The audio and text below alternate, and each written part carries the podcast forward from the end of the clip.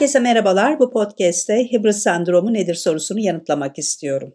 Liderlik kavramı ile ilişkilendirilen hibrit sendromu, gücü elinde bulunduranların kibirleri ve egolarından kaynaklanan davranış bozukluklarını içeriyor. Liderlik gücünü elinde tutan insanların abartılı bir gurur ve kendine aşırı güven duyması, bununla birlikte başkaları için küçümseme duygusu yaşamasına hibrit sendromu deniliyor.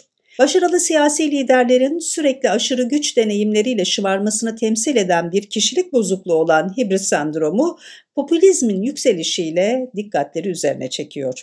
Hibrit sendromuna sahip kişiler her şeyin belirleyicisi, karar vericisi, oluşturucusu, en doğru kararın o kişinin kendisinden çıkabilecek olduğu sanrısı içindedirler. Hibris Yunanca'da kibir ve küstahlık anlamlarına geliyor. Yapılan tanımlamalara göre sendrom öncelikle kişinin gücü tatmaya başlaması ve olayların merkezinde bulunmaktan keyif almasıyla başlıyor.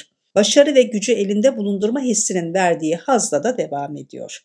Zamanla narsizm, gerçeklikten kopuş ve hatta akli dengesizliklere varan seviyelere ulaşabiliyor. Bu seviyelere ulaşan sendrom ile artık bağımlılık yapan gücü bırakmak kişi için çok zor oluyor ve kişi bunun olmaması için her yolu deneyebiliyor.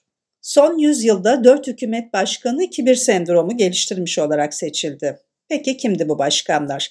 David Lloyd, Margaret Thatcher, George Bush ve Tony Blair. İngiltere'nin ünlü başbakanlarından Margaret Thatcher'ın güce yaklaşımı şu şekildeydi.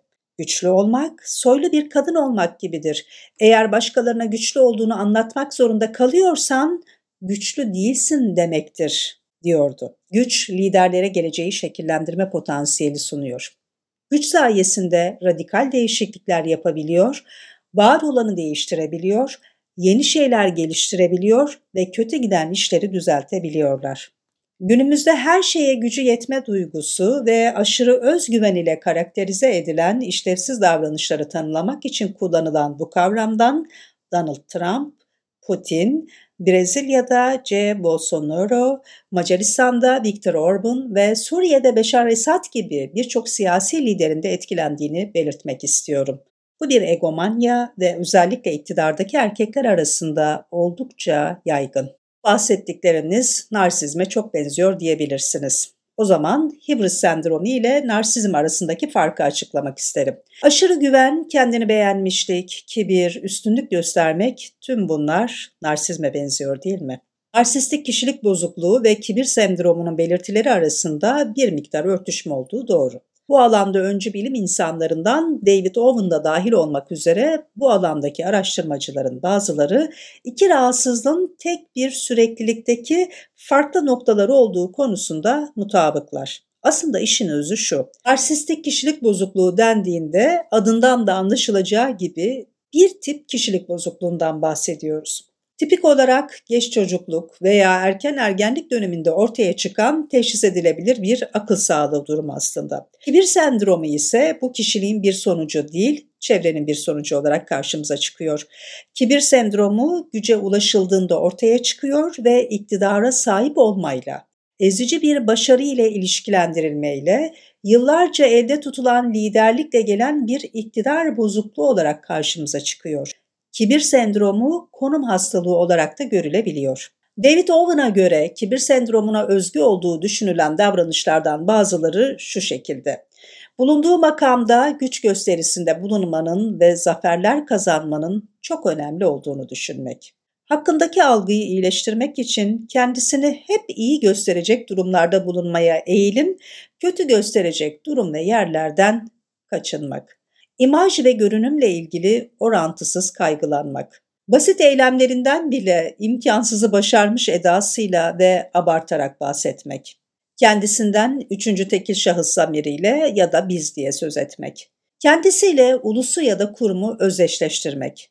Sıklıkla artan bir yalnızlaşmanın eşlik ettiği gerçeklik duygusunun kaybı. Kendi yargılarına aşırı güven, aynı zamanda başkalarının öneri ve eleştirilerini küçümsemek huzursuzluk, acelecilik, düşünmeden kararlar almak. Kibirli tarzından dolayı rasyonel kararlar alamama ve dolayısıyla başarısızlık. Yüceltilmeye ihtiyaç duymak. Kendi bakışı ve çıkarlarıyla ulusun ya da kurumunkini özdeşleştirmek. her şeyi kişisel olarak başarabileceğine dair mutlak inanç. Teşhisin anahtarı şu, kişinin önemli bir güç konumunda olması ve az önce sıraladığım davranışlardan bazılarını geliştirmenin habercisi olarak belirli bir süredir bu konumda bulunmasından geçiyor. Kurumsal dünyada da gerçeklikten tamamen kopmuş ve etraflarındaki her şeyi kontrol ettiklerine inanarak aşırı özgüven besleyen insanlar görmek nadir değil. Otomotiv endüstrisinin ünlü yöneticilerinden Renault, Nissan, Mitsubishi ittifakının eski CEO'su ve yönetim kurulu başkanı Carlos Ghosn iyi bir örnek olarak karşımıza çıkabilir. Carlos Ghosn profesyonel hayattaki yükselişi de kariyerinin zirvesindeyken Japonya'da yolsuzluk suçlamasıyla tutuklanması, Japonya'da tutulduğu ev hapsinden kendi memleketi olan Lübnan'a kaçışı da medya manşetlerinde her zaman kendine yer bulmuş bir isim. 1999 yılında Renault ile Nissan'ın ortaklık kurmasını öncülük eden Carlos Ghosn, 2001 yılında Nissan'ın hem CEO'su hem de yönetim kurulu başkanı oldu. Ghosn, Nissan'daki görevlerine ek olarak 2005 yılında Renault'un CEO'su ve 2009 yılında da şirketin yönetim kurulu başkanı olarak görevlendirildi. Lübnan'da kaçak hayatı süren ve kendisinin masum olduğunu savunan Carlos Ghosn çok fazla gücü elinde tutuyordu. Ghosn döneminin karanlık yüzü buydu. Fransız filozof Alan 1952 tarihli Politik adlı kitabında kontrolsüz her güç deliliğe yol açar diye yazmıştı. Kontrolsüz güce sahip olanların gerek devlet başkanlığında gerek kurumsal dünyada deliliklerinin bedelini masum insanlara ödetmemesi Hibris sendromu yaşayan liderler için işlerin genellikle kötü bittiğinin unutulmaması dileğiyle.